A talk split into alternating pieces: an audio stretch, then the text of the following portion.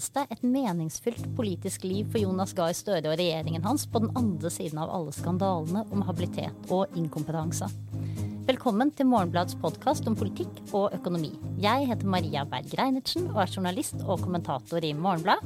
Rett overfor meg sitter Aslak Bonde, politisk analytiker og fastspaltist i samme avis.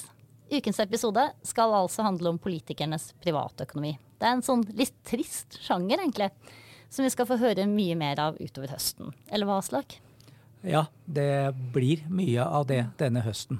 Ukens sak det er jo, som alle vel har fått med seg, at Anniken Huitfeldt har oppdaget at mannen hennes har handlet mye i aksjer.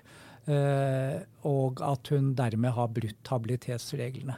Men hun er jo den fjerde i rekken som eh, erkjenner habilitetsbrudd eh, i regjeringen. Og eh, det som på en måte gjør at vi denne høsten, at dette blir en kontrollhøst, mm -hmm. det er at uh, alt dette skal opp i kontrollkomiteen i Stortinget.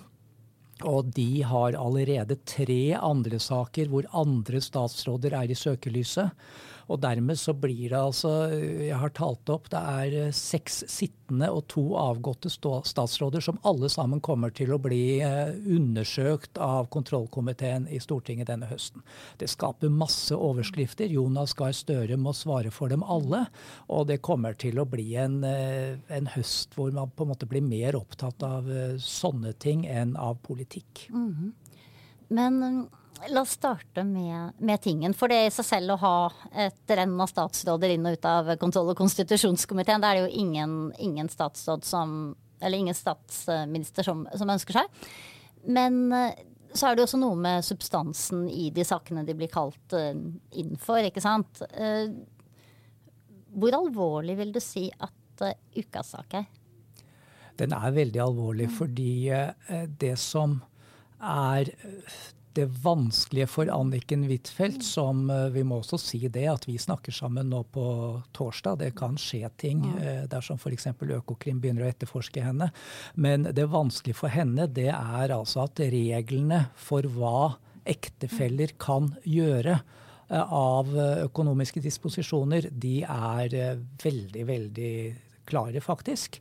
Og, og, og det er egentlig det er ikke sånn intuitivt. Det er, det er, ikke så lett å forstå i vårt likestilte land at en statsråd skal kunne bli felt av at eh, mannen driver og handler med aksjer. Eh, I andre sammenhenger mm. så gjør man jo, setter man sin ære i at vi faktisk har litt ulik økonomi og vi er selvstendige mennesker. Ja, Som Erna sa da hennes ektemann Sinde hadde ført opp en liste over styrekandidater som han mente Høyre burde kaste ut og, og, ta inn i løpet av sin regjeringsperiode. Siden det er en selvstendig person. Ikke sant? Som hun var mm. grådig glad i. Ja. Ikke sant? Men, men, det, og det funka kanskje der, for det er en litt annen type sak. Men når det gjelder økonomiske disposisjoner, så, så er habilitetsreglene veldig greie, og de er ufravikelige. Og, og hvis vi tenker etter årsaken, så er den egentlig ganske opplagt. fordi hvis vi skulle på en måte begynne å gradere habilitet innad i et ekteskap, så ville vi åpne opp for at offentligheten, nyhetsjournalistene, granskere skulle gå inn og på en måte undersøke hva slags forhold er det egentlig mellom Anniken Huitfeldt og mannen. Altså hva, hva, slags kvalitet er det i deres samtaler? I hvilken grad uh, opererer de med vanntette skott når de snakker sammen ved middagsbordet? Og det sier seg jo selv at det er det ingen av oss som ønsker. Da får man en inngrep uh, i privatlivet som er helt uhørt. Derfor så har vi disse veldig firkanta reglene, som jo gjør at uh, når man blir statsråd, så er det egentlig hele den nærmeste familien som uh, blir underlagt statsrådens regler. Mm. Uh, det virka jo kanskje ikke som Anniken Huitfeldt var så grådig glad i ektemannen sin på den pressekonferansen i, i, går. Hun hadde liksom ikke helt det, det overskuddet. Jeg skal innrømme at som en person som ikke har liksom sin daglige gjenge på Stortinget, sånn som du har, Aslak, så, så var min første reaksjon at jeg bare syns forferdelig, forferdelig synd på henne. Å være så forkjøla og ha rota det sånn til for seg selv. Eh, hva, med, hva med deg? Skjønner du den, reaksjonen? ja da, jeg syns veldig ofte synd på politikere. Ja, og så tar jeg meg i det at de har jo valgt dette selv. Det er ikke synd på sånne maktpersoner. Så, men det er klart at den menneskelige faktoren her er jo ikke tvil om at uh, du fikk sympati med henne. Men samtidig altså, har man vært uaktsom som statsråd, så må det få konsekvenser. Og, og det er så, altså Vi har jo snakket litt sammen om dette faktisk eh, gjennom hele sommeren, ved at du veldig gjerne vil at vi skal gjøre mer med disse mm. habilitetssakene. Og jeg har holdt igjen og holdt igjen fordi det er så vanskelig å vite konsekvensen av dem. Eh, jeg har holdt på i mer enn 30 år med politisk journalistikk, og jeg vet ikke hvor mange ganger jeg har sagt at en regjering eller en statsråd er blitt svekket, mm. og nå er det slitasje osv. Og, og, så, og så har på en måte folk blitt svekket så mye at du skulle tro det går, men det gjør de ikke. Nei, men... Det er jo bare vi mediene som sier at de er svekket, og det, det, går over, og så er det glemt om et halvt år. Ja. Men, men, nå sier du det igjen. De er svekket. Nettopp. Og det er jo fordi eh, Altså, jeg sier disse mange, ja, disse mange kontrollsakene gjør, gjør, fører til litt svekkelse for hver av dem. Mm. Og totalt sett så mener jeg at dette kan kalles regjeringsslitasje.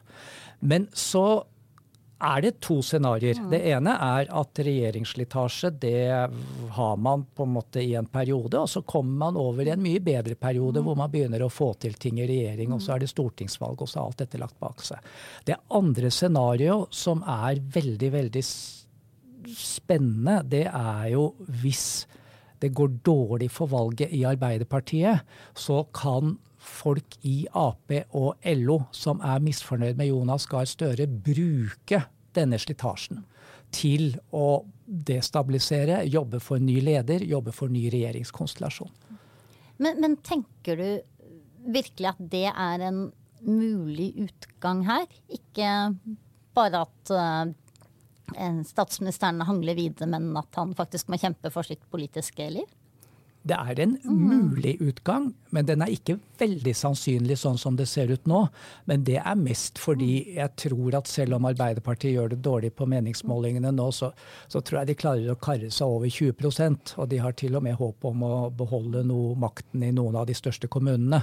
Og da, da blir ikke den konteksten eh, som er nødvendig for at det skal bli press mot Jonas Gahr Støre, den er ikke der. Men hvis det går ordentlig dårlig, så kan dette virkelig eh, være utvikle seg til å bli noe veldig mye mer alvorlig både for Arbeiderpartiet og Jonas Gahr Støre. Mm. Men jeg tenker jo, etter å ha fått uh, Huitfeldt sin forkjølelse litt på avstand da, i løpet av, av, natten, så tenker jeg at det er skikkelig alvorlig for tilliten vår til ikke bare til Arbeiderpartiet, men kanskje til hele politikken. Det, det som har skjedd det, det siste døgnet. Og det handler litt om det at jeg har, har kanskje har brukt en del tid de siste årene på å grave meg ned i sånne politiske regimer der uh, tilliten virkelig har, har erodert, ikke sant. Uh, se på Trump, eller se på f.eks. Viktor Orban i, i, Ungarn. Så er jo det politiske regimer ikke sant, hvor, uh, hvor, hvor velgerne, hvor tilhengerne til den, den, ene siden ikke sant, er blitt helt immune da, mot anklager om uh, skattesnusk og korrupsjon og ulike sånne for, fordeler som, som, den politikeren tar seg. ikke sant? Fordi en uh, sier at nei, men den andre siden er akkurat like, like, ille. De har også sine svinn på skogen. ikke sant? Sier Trump, så sier vi Hillary, f.eks. Og så tenker vi at når noen da peker på økonomisk mislighold fra vår kandidat, så er det bare en del av, av spillet. Utslag for kynisk hykleri. Og så tenker jeg at det Norge er jo, er jo ikke der, ikke sant. Uh, vi har jo tillit til politikere som vi ikke er enige med også, men, men du verden som mye sterkere den tilliten hadde vært hvis Jonas Gahr Støre hadde sagt at ja, Anniken, jeg liker deg og jeg syns synd på deg, og du har vært en flott utenriksminister, men det her går ikke, du må gå. Følger du meg der? Eh, ja, delvis, men ikke helt. Fordi eh, jeg vet sannelig ikke hva som inngir mest tillit. At, uh, hun, at det stadig er statsråder som går av, eller at han faktisk står opp for en statsråd. Det er litt vanskelig å forstå hvorfor han står opp for to og ikke står opp for de to andre. Men, men eh, det er litt sånn Det er rett og slett veldig vanskelig å vite hvordan folk oppfatter disse sakene. Eh, og du har nok et poeng i at vi kan risikere, og jeg ser litt på sosiale medier nå, altså det er jo en del mennesker som er forbanna pga. dette kjøret mot Anniken Huitfeldt også og som sier at bevares hun, vi må da tro på henne, hun, ikke, hun, skal da ikke klandres for det hennes mann gjør. Sånn at du kan få en polarisering i at folk på en måte blir veldig imot og altså egentlig slutter veldig opp om Arbeiderpartiet pga. disse habilitetssakene. Men valgundersøkelsen som kom nå eh, det, altså, Vi har et fantastisk valgforskningsprogram i, i Norge. De jobber litt seint. For to år etter hvert valg så kommer de med en bok om hva som egentlig skjedde i det valget valget. Og denne uken så kom de da med boka om hva som skjedde i stortingsvalget i 2021. Og de har jo bl.a. gjort en del undersøkelser om dette med polarisering og oppslutning om demokratiet og osv. Og, og selv om tillitsundersøkelsene da vi hadde pendlerboligsakene viste jo at tilliten falt, men nå er den litt på vei opp igjen. Og det er fortsatt veldig, veldig robust i Norge. og og, og, tenk deg opp gjennom historien alle de maktkampene vi har hatt, og som avisene har mesket seg i. Og, og, det er noe med at det hører litt med til politikken at mediene skriver om mer og mindre skitne maktkamper, folk som driter seg ut, skandaler. Og, og det på en måte er mange igjen der som man kan sette sin lit til, som er skikkelig ordentlig hel ved. Ja, men ikke, altså for meg er dette litt annerledes, da det er ikke en maktkamp. ikke sant? Maktkamp er Maktkamp er gøy, da. Det, det, det, det, eh, det er Macbeth. Det er, det, er, det er Arbeiderpartiet på sitt beste. ikke sant? Det er jo som en, en, en skikkelig liksom bra kongedrama fra, fra Shakespeare. Eh, men det her er litt mer sånn King Lear for meg. Det er bare noen som har gjort noe forferdelig dumt, og så må lide for det og helst vil slippe å ta konsekvensen av det. Eh, og det vet jeg ikke om jeg Det er liksom ikke fascinerende på samme måte, altså. Det er Nei, jeg tror dumskap ja. kan unnskyldes. Det som ja. kanskje er verre, det er det er én ting ved dette som, som, jo må være vanskelig for Arbeiderpartiet, og det er at denne regjeringen har nå hatt to saker hvor statsråder har hatt, eller deres menn, på en måte har hatt så mye penger at de har måttet plassere dem. Altså, de har måttet sette dem i verdipapirer, og det er klart det er en problemstilling som er ganske fremmed for folk flest. Og så måte så dukker mm. dette opp med denne regjeringen, mens de ikke dukket opp med en høyreledet regjering i de mm. forrige åtte årene. Det er jo litt, det tror jeg kanskje svekker tilliten, rett og slett. Ja. Så er det en annen ting som jeg lurer på her, som heller ikke dukket opp med, med den Høyre-regjeringen. Og det er det at vi har en sånn evig diskusjon uh, i, i, denne regjeringen om statsråder som har gått på hodet ut, ikke sant? Og, og om det er på tide at de kommer tilbake igjen. Uh, du tenker på Hadia Tajik? Jeg, jeg, tenker, jeg, tenker, på Hadia Tajik. Jeg, jeg gjør det, ikke sant. Fordi, og, og, jeg tenker på Trond Giske, som ligger bak der hele tiden og, og lusker, ikke sant. Sånn at uh, Og så tenker jeg at hva det egentlig gjør med, uh, med, med synet vårt da, på, på politikk. når Arbeiderpartiet liksom reduserer det til en sånn stadig sånn diskurs om om individuelle politikerkarrierer, da. Er, det, er denne avgangen kanskje Hadia Tajik sin sjanse? Kan hun komme tilbake nå? Er tiden moden for å gi Trond mer makt? Og, så, og, det er ikke bare pressen som gjør det.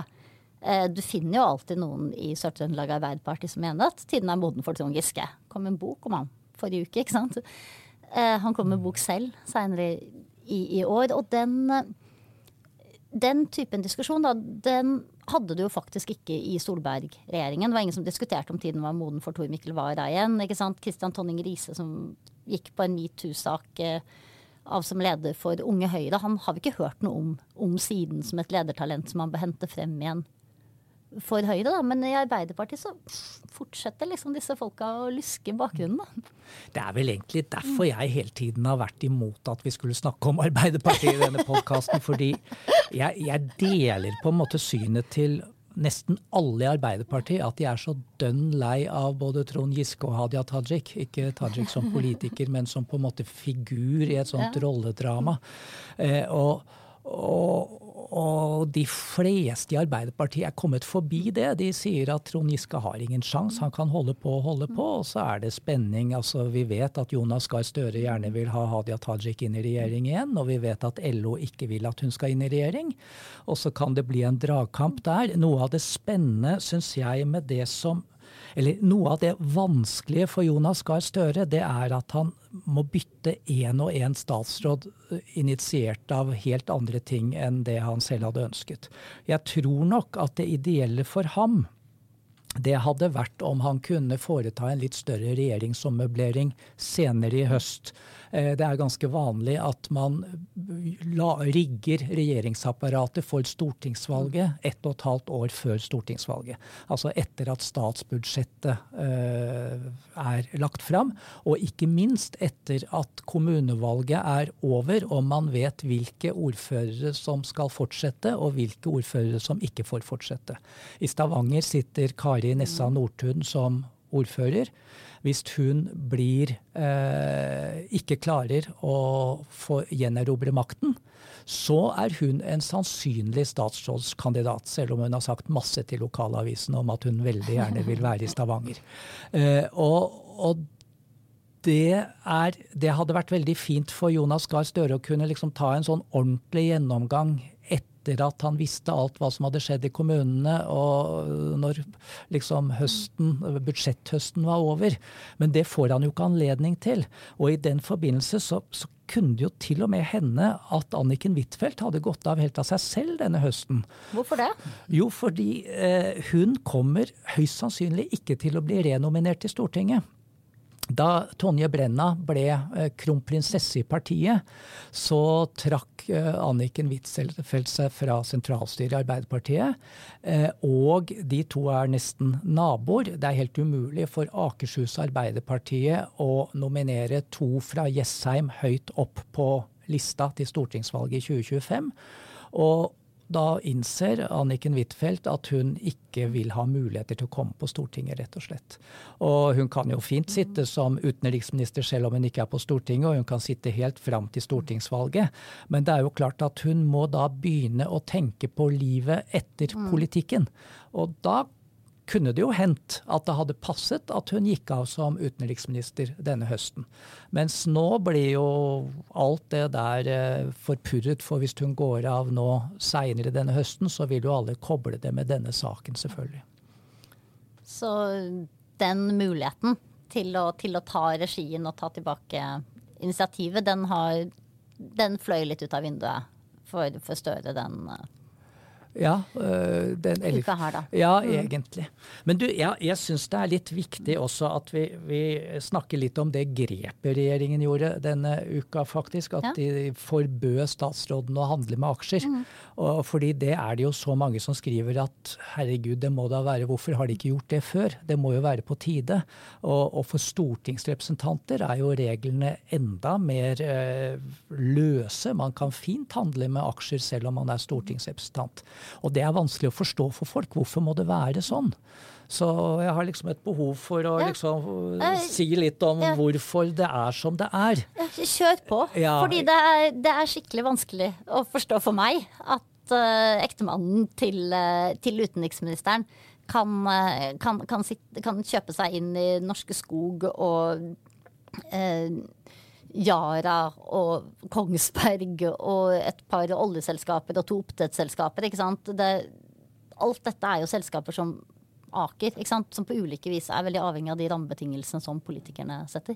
Nå har jo Lovavdelingen sagt at han ikke kunne det, men, men, men likevel. Altså, reglene var uh, har lenge vært liksom litt åpne, og det er jo fordi man har innsett at at eh, det kan bli vanskelig å få det skal en 50-60-70 mennesker inn i regjeringsapparatet ved et regjeringsskifte.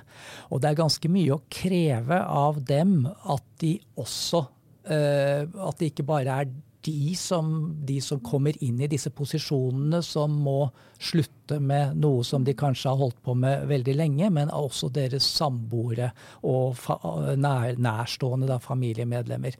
Og, og Derfor så har man hele tiden forsøkt å lage et system som har vært litt mer sånn praktisk anlagt som skal la det være litt smutthull for f.eks. hvis du har en megler som livspartner, da, så, så, skal vedkommende ikke få yrkesforbud bare fordi eh, mannen eller kona har fått seg jobb i en politisk ledelse i et, et departement.